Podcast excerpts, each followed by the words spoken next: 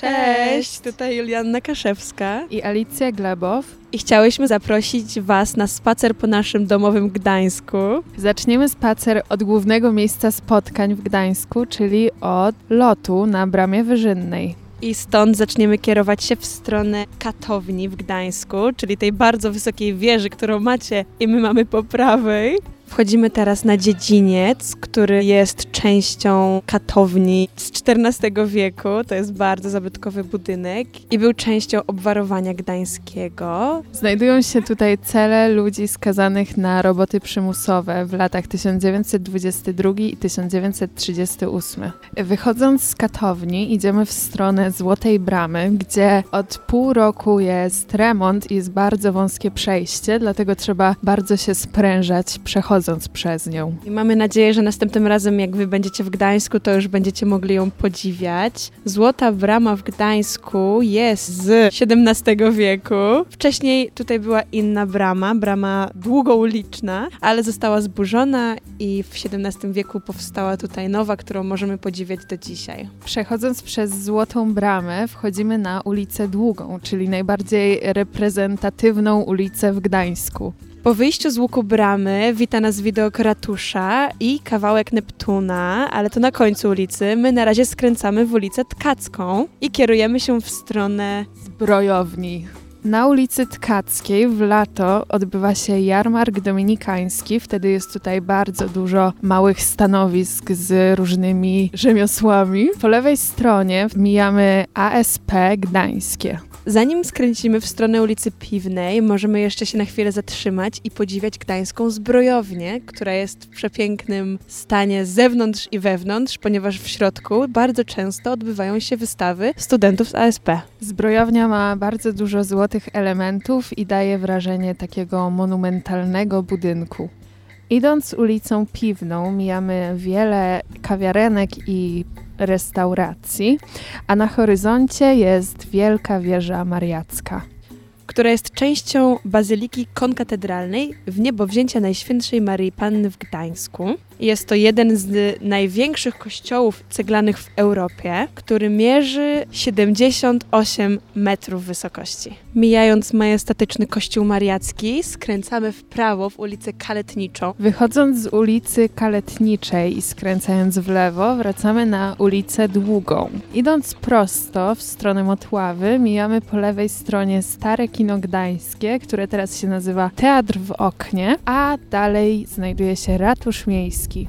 Omijając po naszej lewej piękny ratusz gdański, pojawia się przed nami najbardziej znany symbol Gdańska, czyli fontanna Neptuna. Możemy z tego miejsca też podziwiać piękny dwór Artusa. I co takiego się dzieje w tym dworze Artusa w lato, Ala? Istnieje taka legenda, że młoda Hedwiga, dziewczyna uratowana niegdyś z tureckiej niewoli, została wychowana przez gdańskiego rzemieślnika. I w lato wygląda z takiego okrągłego okienka umieszczonego na samym szczycie kamienicy Mniej więcej w połowie drogi od ratusza miejskiego i Zielonej Bramy bądźcie uważni, bo po prawej stronie znajduje się gablotka z termometrem Fahrenheita. Można na nim odczytać jaka jest temperatura, a jest to termometr i barometr wzorowany na oryginale z 1752 roku. Dochodząc do końca ulicy Długiej możemy przejść przez Zieloną Bramę, która nie jest zielona, jest cała ceglana, ale mogę wam powiedzieć, że jest to najprawdopodobniej prawdopodobnie najstarsza brama wodna w całym Gdańsku. W Zielonej Bramie często są wystawy sztuki. Ja byłam tutaj na rycinach gdańskich z XV wieku. Wychodząc z zielonej bramy, wychodzimy na zielony most. Stojąc na moście, widzimy Motławę. Dookoła nas otaczają spichlerze gdańskie. Patrząc w prawą stronę, są to stare spichlerze niewyremontowane jeszcze, a po lewej stronie mamy już taką nowszą architekturę, taką adaptację tych starych spichlerzy. Są one w nowoczesnym stylu, szklane, te nowoczesne spichlerze tworzą pewne kontrowersje u gdańszczan, ponieważ części się one nie podobają. Musicie przyjechać sami i ocenić, czy lubicie taką nowoczesną architekturę pomiędzy starym rynkiem.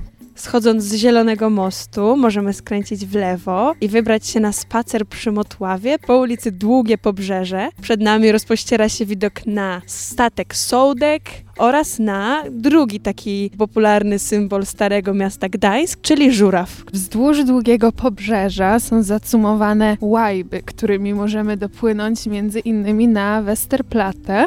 Idąc w stronę Żurawia, jak popatrzymy w lewo, jest piękna uliczka Mariacka. Sprzedaje tutaj się bursztyn, jest pełno takich stanowisk i są również jedne z najlepszych kawiarni w Gdańsku. Możecie tutaj również odwiedzić Muzeum Archeologiczne.